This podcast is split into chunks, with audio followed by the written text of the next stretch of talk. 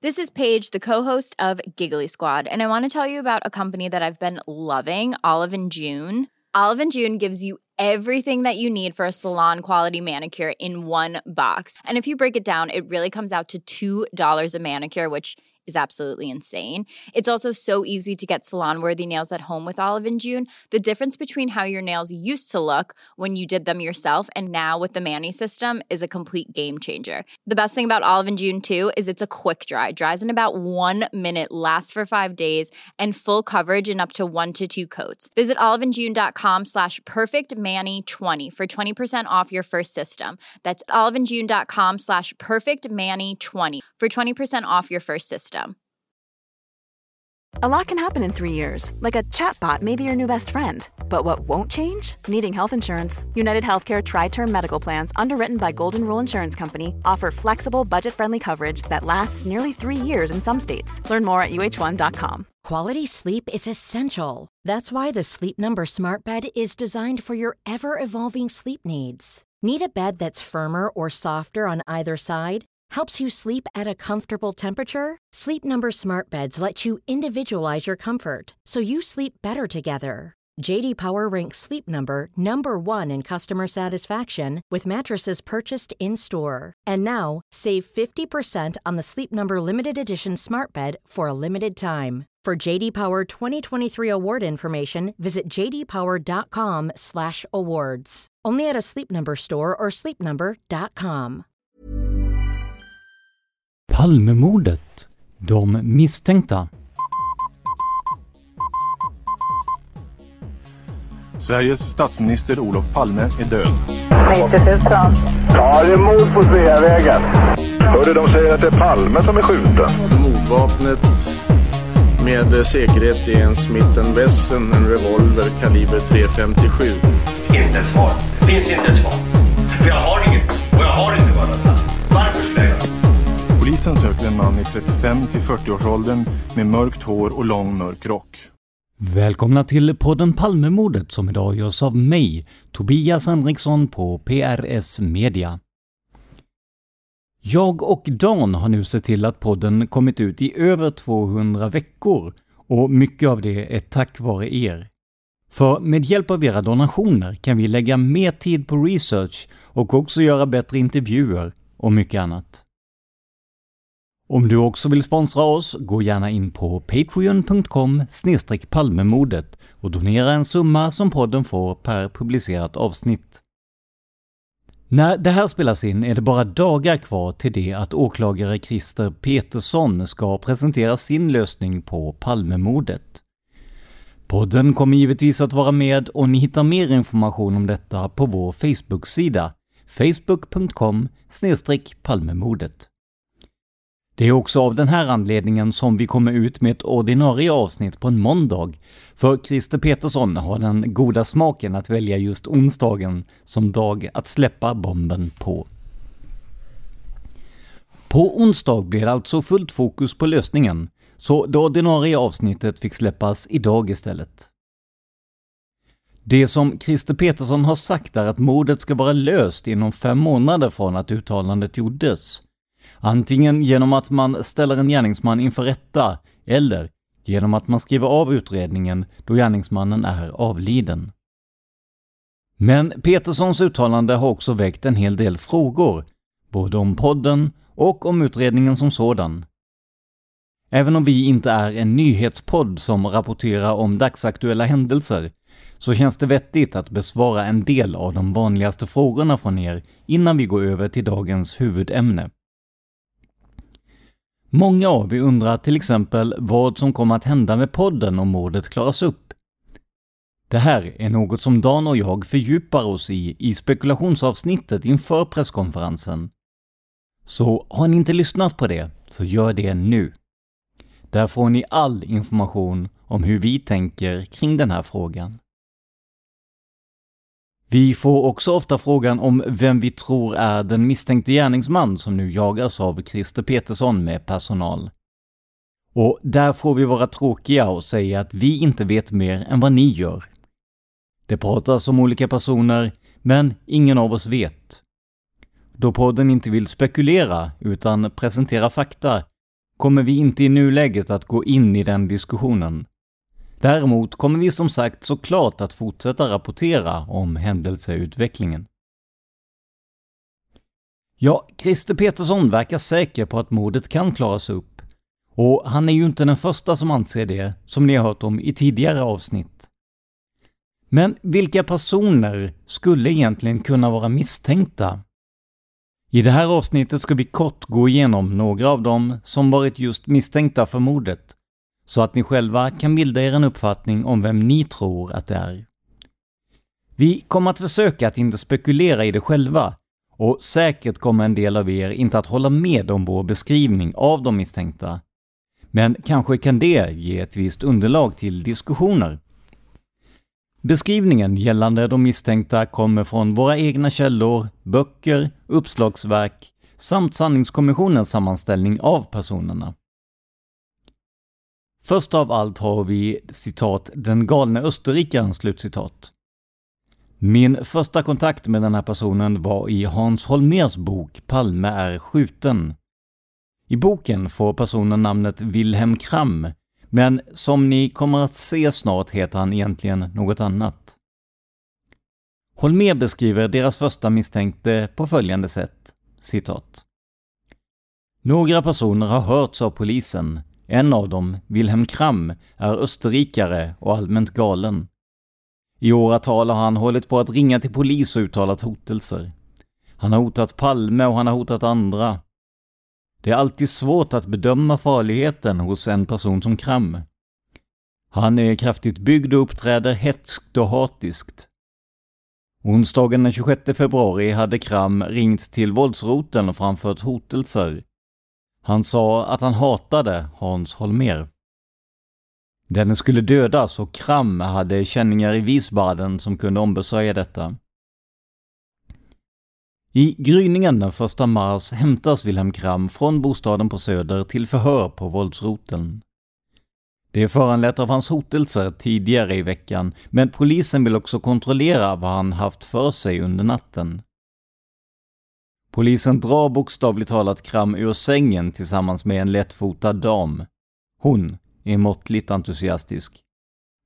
Det framkommer att Kram träffat damen på restaurang Karelia dit han kommer vid 23.30-tiden. Karelia ligger på Snickarbacken 4, bara några minuters promenad från mordplatsen. De har sedan varit tillsammans hela natten, dansat, druckit och älskat. Kram uppger att han kommer direkt hemifrån bostaden till Karelia. Det gamla par som han bor hos på Götgatan ger honom ett svävande alibi för några timmar på kvällen. Kram har en brun mockapäls. Hans kroppsstorlek passar hjälpligt in på det ofullständiga signalementet på mördaren. Han har bevisligen strax efter mordet kommit till en krog som ligger längs den troliga flyktvägen. Han är antagligen också tillräckligt farlig. Det är nog för att poliserna som arbetar med honom ska få hög puls. Efter några timmar faller emellertid en sista avgörande pusselbit på plats. Det visar sig att Kram av en ren tillfällighet har kontrollerats av en polispatrull klockan 23.20 på Slussen. Kram har kommit undan med blotta förskräckelsen och polisen får ta nya tag. Att han däremot blir anhållen för olaga hot och att chefsåklagare KG Svensson begär honom häktad bör han rimligen kunna ta med ro. Där slutar vi citera Hans Holmers bok Olof Palme är skjuten. Så den galne österrikaren, som han i folkmun kom att kallas, var alltså inte Olof Palmes mördare. Men när man tittar på gamla polisförhör och andra dokument ser man att det fanns ett klart intresse för personen. Inte så konstigt kanske, då han så länge hotat både polis och regering. Vi kommer nu att titta på delar av en rapport som den man som senare kom att bli Viktor Gunnarssons förhörsledare, Börje Wingren, skrev strax efter mordet. Den person som utpekas är sedan länge avliden och i och med att man kunde styrka att han inte var mördaren väljer vi att återge hans namn, då det inte kan orsaka publicitetsskada. Citat. Under natten hade av kollegor framkastats misstankar mot en person vid namn Kirsitz Walter, personnummer. Detta på grund av dennes uttalande detta på grund av dennes uttalade hot mot Olof Palme och Hans Holmér. Allt tydligen inspelade på band, inspelade vid telefonsamtal mellan Kirisits och befattningshavare vid våldsroten. Vid denna tidpunkt var läget sådant att Kirisits skulle hämtas till förhör kommande måndag enligt beslut av chefsåklagare K. G. Svensson. Och jag var tilldelad ärendet. Utöver nämnda hot fanns också ärende anmält från affärspersonal i city om uttalade hotelser från Kirisits mot dem. Snabbeslut om hämtning av Kirisits kom direkt efter mordet. Okänt klockslag, men den eh, anträffades inte i sin bostad av den personal som där sökte honom. Det framtogs också daktningsfoto på Kirisits och dessa distribuerades ut till alla platser som ansågs berörda i ärendet, exempelvis Rosenbad, sjukhusen, vakter utanför Palmes bostad med mera. Ett foto föreställande Kirisits visades också upp för Mårten, kommentar Palme, slutkommentar, men hur han reagerade för detta har jag idag ingen aning om. Vad jag däremot klart minns är att kriminalinspektör Erik Skoglund var den som kom in med fotot till förhörsrummet. Stockholm 890313 Börje Wingren, kriminalinspektör. Slut citat. Som ni hör är den här sammanfattningen upprättad åtskilligt senare än själva mordtillfället. Men den ger ändå en bild av hur Walter Kirisits ansågs vara en farlig man som kunde ha våldskapital nog att ta livet av landets statsminister. Men vem var Walter Kirisits och varför detta hat mot myndighetspersoner? Det är förmodligen frågor vi aldrig kommer att få svar på mycket på grund av att Walter gick bort redan 1993. Han bodde då i Stockholmsområdet på en care-off-adress. Enligt Sveriges dödbok var han ogift och hans liv tog slut vid en ålder av bara 55 år. Efter att Kirisits kunnat strykas från listan av misstänkta kom det in tips om en Palmehatande, USA-vänlig, då 32-årig man som uttryckt sig märkligt om Olof Palme under mordnatten. Just det, Viktor Gunnarsson. Vi har vänt ut och in på hans liv i så många avsnitt att vi inte behöver gå närmare in på honom, utan vi nöjer oss med en kort sammanfattning.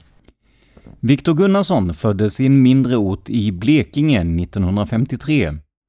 Han växte upp i ett frireligiöst hem där såväl hans föräldrar som far och morföräldrar var djupt engagerade i den lokala kyrkan.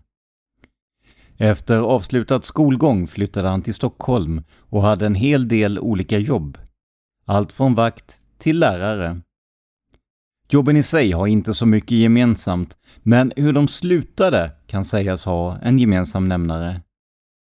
För som ni hört fick Gunnarsson sparken ifrån i stort sett alla jobb han hade. Oftast var det hans lite för påträngande person som ställde till bekymmer för honom. På mordnatten befann sig Gunnarsson på Café Mon Cherie.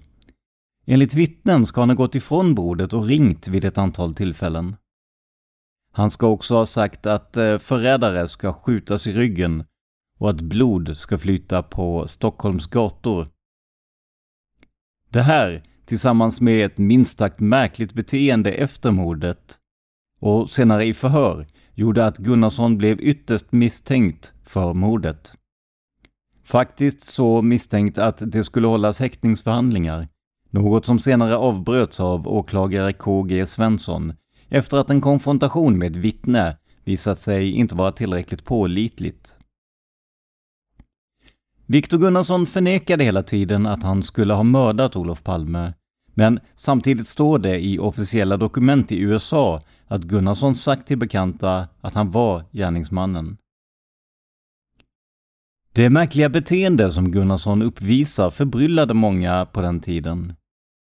Idag har vi en djupare insikt i personers själsliv och med hjälp av professor Henrik Ankarsäter kunde misstankar om att Gunnarsson hade en störning inom autismspektrat fördjupas ytterligare. Viktor Gunnarsson slutade sina dagar som sitt eventuella offer. Han sköts ihjäl. Två personer har i förhör erkänt att de låg bakom mordet, men likväl var det den före detta polisen L.C. Underwood som sattes i fängelse på livstid för mordet. Underwood är idag avliden, men fram till sin död vidhöll han sin oskuld. Spåret Viktor Gunnarsson är idag inte ett av de hetaste, då det ganska snabbt avskrevs av Holmer och kompani. Men tittar man djupare på det här uppslaget finns det faktiskt saker som skulle kunnat vara intressanta att titta närmare på. Saker som så här lång tid efteråt såklart inte kan klarläggas på grund av tiden som gått och att den misstänkte är avliden sedan länge.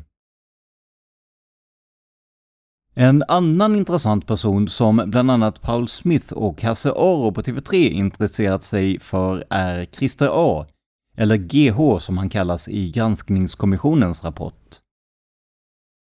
Christer A hade en stor hobby och inkomstkälla. Det var att handla med aktier. Och för att kunna köpa så många aktier som möjligt och därmed kunna maximera en eventuell vinst tog han lån med befintliga aktier som pant. När regeringen Palme beslutade att man skulle höja avgiften på aktiehandel till det dubbla blev detta en katastrof för Christer. Börsen sjönk med 8% på en enda dag och hans besparingar blev allt mindre. Det här skulle kunna vara ett motiv att ha ihjäl Olof Palme. Dessutom var han, som han själv säger, inget fan av Palme annars heller. Christer hade dessutom ett vapen av rätt typ för att vara mordvapen, nämligen en Smith Wesson 357 Magnum. Vapnet skulle lämnas in och provskjutas. En kallelse om detta skickades till Christer och han fick dessutom två påminnelser. Men han inställde sig aldrig. I augusti 1993 upptäckte Palmeutredarna att hans vapen fortfarande inte blivit provskjutet. När polisen fick tag i honom på telefon i januari 1994 berättade han att vapnet inte fanns kvar. Det skulle han ha sålt till en knarklangare nära Café Opera, menade han. En historia som minst sagt låter otrolig. Christer hade för övrigt god skjutvana och tävlingssköt ofta. I januari 1995, nio år efter mordet, kallades Christer till förhör. Han fördes återigen 1998. Han stämde nämligen till stor del in på den gärningsmannaprofil som tagits fram. Här framkom det också att han hade mycket svårt för Olof Palme. Åren gick och i augusti 2008 ringde hans bror till polisen. Han var orolig för broderns situation och bad polisen att åka och kolla. I den danska boken Palmes mörder av Paul Smith beskrivs hur patrullen åkte till lägenheten utanför Stockholm, ringde på flera gånger, men utan att få något svar. Till sist bankade poliserna hårt på entrédörren medan de ropade ”Öppna, det är polisen!” Strax efteråt hördes ett skott. Den då 56-årige mannen hade skjutit sig själv med ett jaktgevär. Först ett bra tag senare fick Palmeutredarna veta att Christer begått självmord. Då var det för sent att leta bevis. Lägenheten var redan urstädad. Ett tag efter Christer A's bortgång gjorde polisen en undersökning av en lägenhet som tidigare bebotts av honom. Christer A hade nämligen skjutit ett skott mot sin TV. Enligt Paul Smith skulle detta vara under ett inslag då Olof Palme visades. Det här ska också ha rapporterats vid tiden för händelsen. Kulan kunde återfinnas i lägenhetens vägg och ett blyisotoptest konstaterade att det inte kom från samma batch som Palmekulorna. Kulan var för skadad för att kunna jämföras med mordkulorna i ett ballistiskt test. Av alla de som varit misstänkta för mordet på Olof Palme så är det bara en person som har papper på att det inte var han. Jag pratar förstås om Christer Pettersson som fälldes i tingsrätten men friades i hovrätten för mord på statsministern. Christer Pettersson var en missbrukare bosatt i Stockholms norra delar. Han var dömd för flera våldsbrott, däribland dråp. De poliser i Palmeutredningen som hade hand om spåret Christer Pettersson anser sig ha kunnat slå fast att Pettersson befann sig i området under mordkvällen. Christer har hela tiden förnekat att han hade något med mordet att göra, men har i intervjuer kommit med precis lagom mycket information eller spekulation för att han skulle vara intressant fortfarande. Något regelrätt erkännande har dock aldrig kommit. Åtalet mot Christer Pettersson byggde till stor del på att Lisbeth Palme pekade ut honom. Hon sa sig också vara helt säker på att det var Pettersson hon såg på mordplatsen i direkt anslutning till mordet. Den vittneskonfrontation där Lisbeth Palme pekade ut Christer Pettersson har senare kritiserats hårt. Lisbeth Palme fick information om att den misstänkte var missbrukare och hon kommenterade tidigt under konfrontationen att det tydligt syntes vem som var alkoholist. Hennes vittnesmål ifrågasattes i hovrätten, vilket bidrog till den frikännande domen 1989. Vittnet Lars J, som vi pratat mycket om och även med i podden, kände till Pettersson sedan tidigare och har senare sagt att om det var Pettersson som sprang från platsen så citat borde han känt igen honom slutcitat. One size fits all seems like a good idea for clothes until you try them on. Same goes for healthcare. That's why United Healthcare offers flexible, budget friendly coverage for medical, vision, dental, and more. Learn more at uh1.com.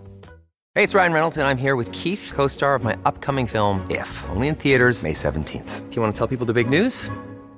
All right, I'll do it. Sign up now and you'll get unlimited for $15 a month in six months of Paramount Plus Essential Plan on us. Mintmobile.com slash switch. Upfront payment of $45 equivalent to $15 per month. Unlimited over 40 gigabytes per month. Face lower speeds. Videos at 480p. Active Mint customers by 531.24 get six months of Paramount Plus Essential Plan. Auto renews after six months. Offer ends May 31st, 2024. Separate Paramount Plus registration required. Terms and conditions apply if rated PG. Hiring for your small business? If you're not looking for professionals on LinkedIn, you're looking in the wrong place. That's like looking for your car keys in a fish tank.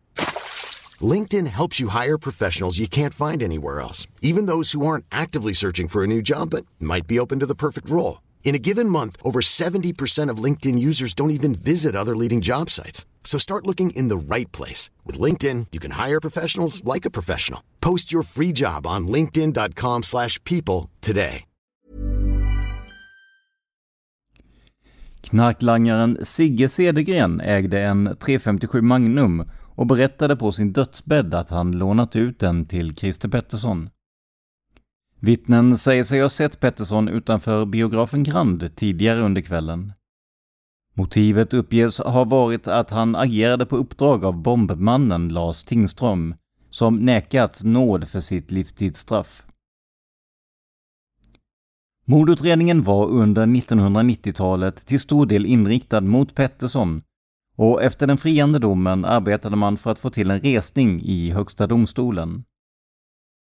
Flera mer eller mindre trovärdiga vittnen trädde fram och påstod sig ha sett Pettersson i närheten av mordplatsen efter mordet. Men resningsansökan, den avslogs av en enig Högsta domstol. Christer Pettersson avled 2004 efter en tids koma till följd av att han ramlat och slagit huvudet i marken. Möjligen skedde detta på grund av ett epilepsianfall. De poliser som utredde bland annat Christer Pettersson och var satta att lösa mordet på Olof Palme har också misstänkts för inblandning i det. De här spåren har samlats under samlingsbegreppet polisspåret.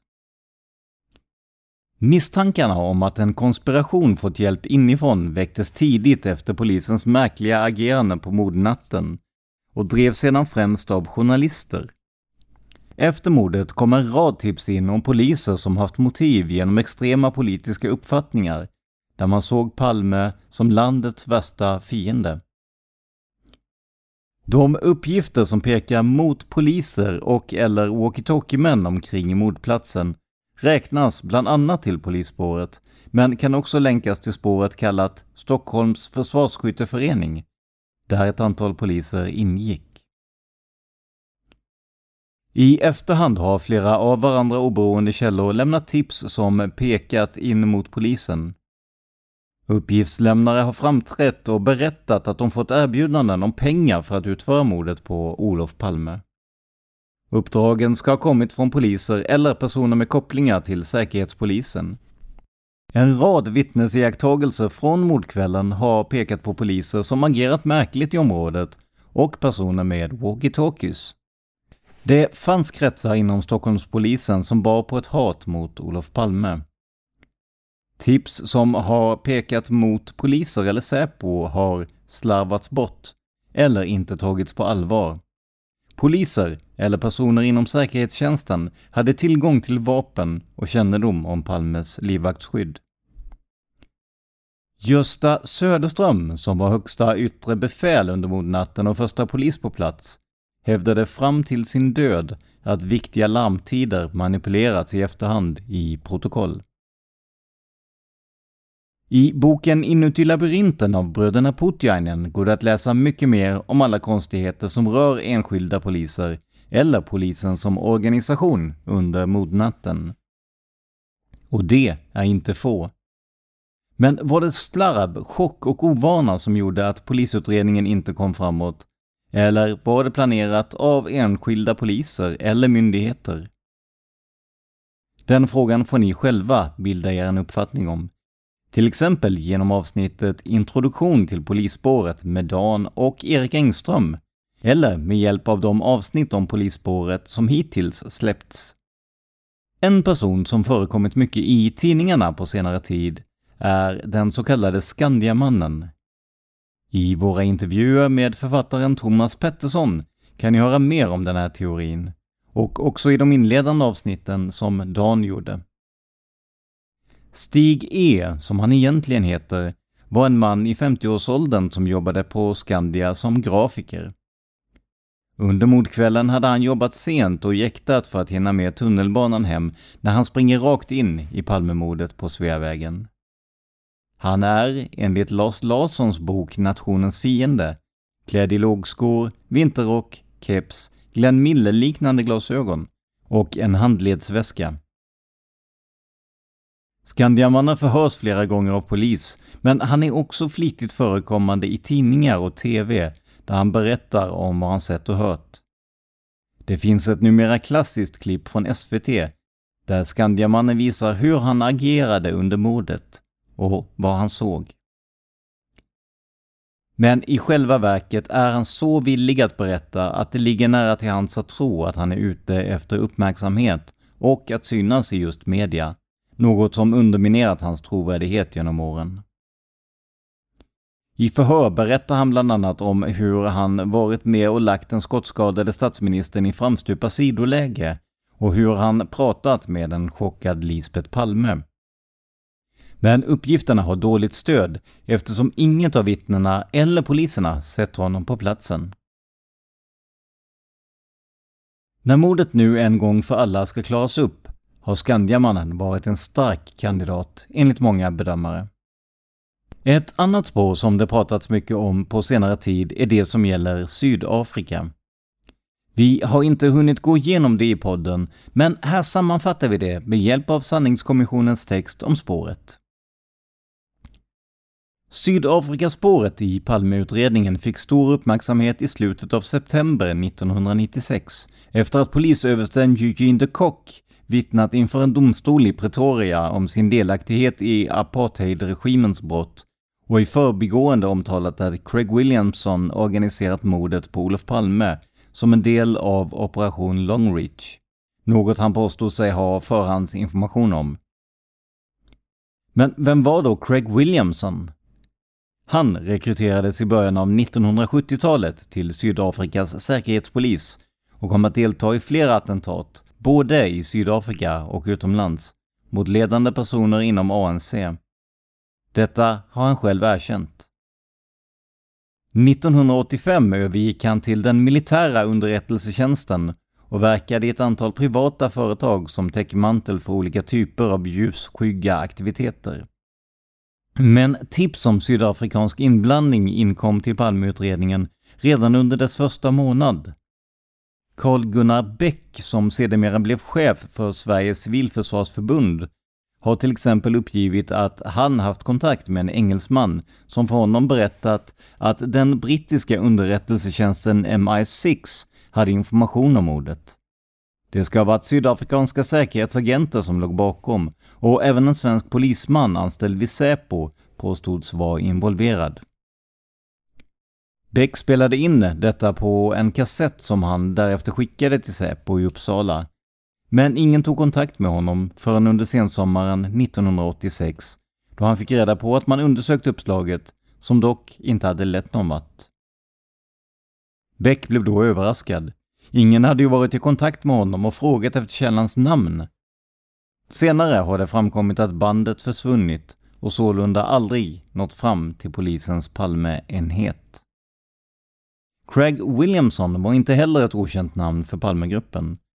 Redan i mars 1986 fick man in uppgifter från en mycket trovärdig källa om Williamsons inblandning och att det fanns en svensk förgrening.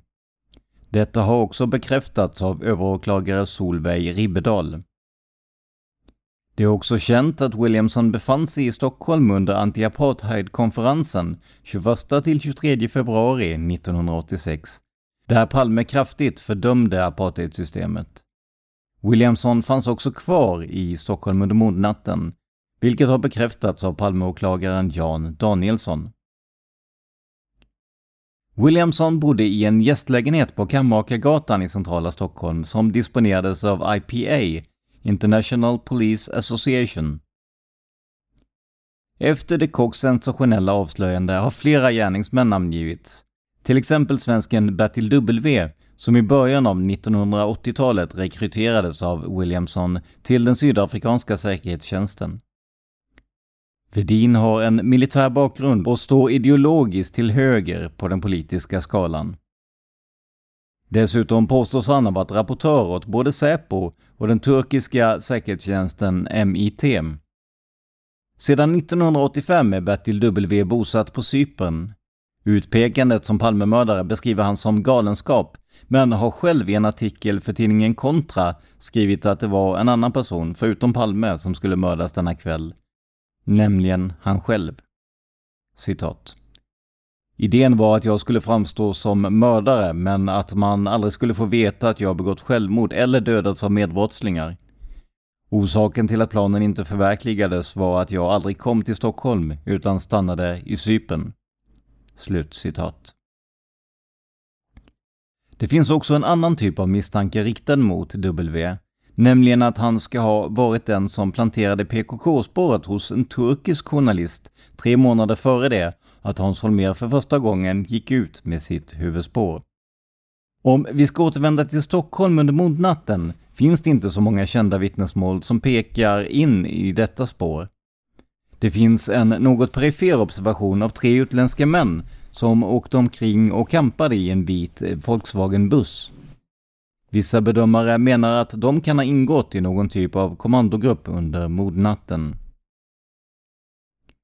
Intressantare är kanske att peka på vissa märkliga omständigheter kring en viss Heine Hyman, en svensk med sydafrikanskt ursprung som under den aktuella perioden var bosatt i Björklinge i närheten av Uppsala, där han hade en bilverkstad. 14 minuter efter mordet mottog ett par i Bromma ett mystiskt telefonsamtal med ordalydelsen ”Nu är det klart, Palme är skjuten”. En uppenbar felringning. Det har emellertid visat sig att deras telefonnummer var identiskt med Uppsala-numret till ett klubbhus alldeles i närheten av Hymans bostad i Björklinge.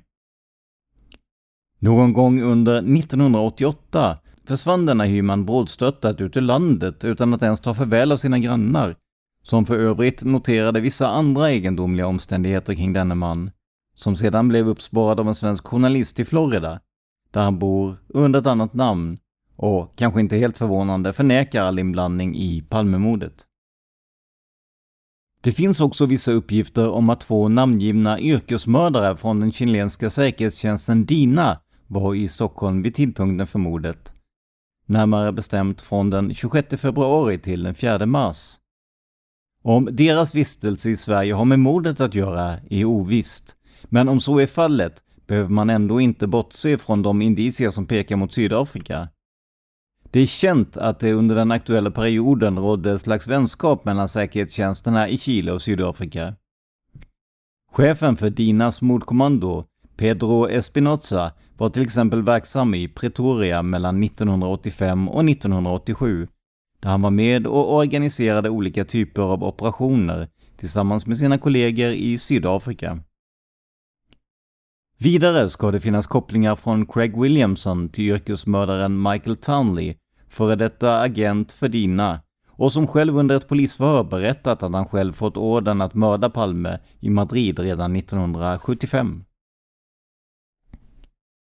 För att en utländsk kommandogrupp ska kunna klara av att genomföra en dylik operation i ett främmande land är det säkert oundgängligt med ett starkt lokalt stöd, det vill säga från personer med god lokal kännedom och som står för logistik, rekognosering, övervakning och undanröjande av spår. Det ligger nära till hands att det rör sig om personer med militär eller polisiär bakgrund. Beroende på vem man frågar får man olika svar om vem eller vilka som skulle kunnat vara den svenska kontakten åt de sydafrikanska agenterna. När jag pratade med Anders Leopold såg han ett scenario som innefattade CIA och Viktor Gunnarsson till exempel. Vem eller vilka som skulle vara den svenska kontakten, om det nu var Sydafrika som mördade Olof Palme, är än idag okänt. Det här är bara några av de spår som framkommit i utredningen om mordet på Sveriges statsminister Olof Palme. Fler spår finns såklart i de över 200 avsnitt som Dan och jag gjort om det här märkliga fallet. Men om Christer Petersson håller vad han lovar kommer vi snart att slippa fundera. En mordgåta med 34 år på nacken kan komma att läggas till handlingarna. Som jag sa i början av avsnittet kommer Dan och jag att hårdbevaka lösningen. Under onsdagen kommer ni att kunna följa presskonferensen live på facebook.com palmemordet och också kunna komma med kommentarer och frågor till mig och Dan. Efter att presskonferensen är slut väntar vi på att få intervjua personer med koppling till utredningen. Vi har lämnat in ett önskemål om detta och Åklagarmyndigheten ser positivt på det. Om trycket blir för stort på teamet på presskonferensen kan de här intervjuerna komma att göras på torsdag eller fredag istället. Under dagen på onsdagen kommer vi att lägga upp presskonferensen i vår feed så att ni kan höra den i podden så ofta ni vill. I den sändningen kommer även vårt intro och outro samt en introduktion till avsnittet att finnas med. Om intervjuerna görs på onsdagen kommer dessa att klippas ihop med material från presskonferensen och släppas som ett eget avsnitt. Enbart intervjuerna kommer att finnas tillgängliga efter att hela avsnittet sänds, på bland annat Facebook och i din poddapp. Under onsdagskvällen spelar vi även in ett panelavsnitt med några av er lyssnare.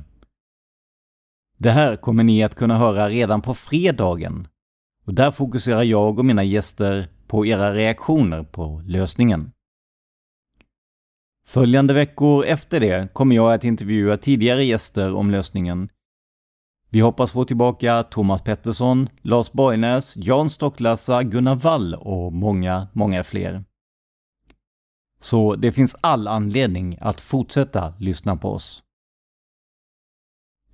Men det här var veckans ordinarie avsnitt av podden Palmemordet som idag gjordes av mig, Tobias Henriksson på PRS Media.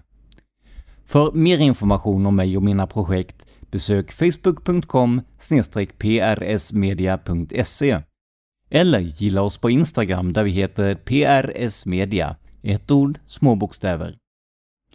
Tack till alla som sponsrar oss på patreon.com palmemodet. Men framför allt, tack för att du lyssnar på podden Palmemordet. Man hittar Palmes mördare om man följer PKK-spåret till botten. Därför att ända sedan Julius Caesars tid har jag aldrig hört talas om ett mord på en framstående politiker som inte haft politiska skäl. Polisens och åklagarens teori var att han ensam hade skjutit Olof Palme. Och det ledde också till rättegång. Men han frikändes i hovrätten.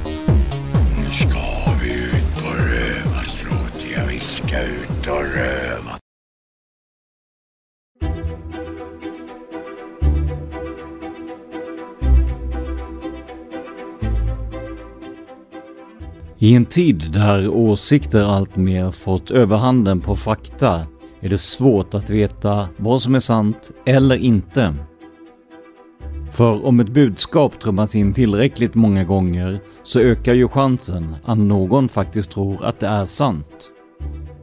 I dagens poddar som den här utgår allt ifrån noga researchade fakta så att ni som lyssnare kan vara trygga med att han förmedlar historien på ett sant och opartiskt sätt. Men det är ju inte överallt det är så. I sociala medier och hos alternativa nyhetsförmedlare på internet frodas konspirationsteorier, förvrängda uppgifter och rena lögner. Oftast med ett syfte bakom, att sälja in en tanke, idé eller ideologi. För vem faktakollar egentligen en artikel om den verkar tillräckligt bra för att vara sann? Det är här jag kom in i bilden. Genom min egna podcast Tänk om har jag sedan 2019 granskat konspirationsteorier och myter om vitt skilda ämnen. En del är verklighetsnära och hade kunnat vara sanna. Andra teorier är ganska märkliga, men bidrar dels till en bra historia, dels till att öka förståelsen för hur en person kan tro på olika mer eller mindre fantastiska saker. Vi tittar på såväl svenska som utländska teorier och försöker ha med gäster som är experter på de ämnen vi pratar om. Bland de gäster jag har haft med finns den inte helt obekanta Dan Hörning som både pratat om Storsjö och djuret och seriemördare med mig. Så skaffa dig fakta på ett underhållande och lärorikt sätt. Sök på Tänk om i valfri poddapp och börja din kryssning mellan konspirationsteorier och fakta. För om kunskap är makt vill jag hjälpa er att bli ännu mäktigare. Jag heter Tobias Henriksson. Välkommen att lyssna på Tänk om.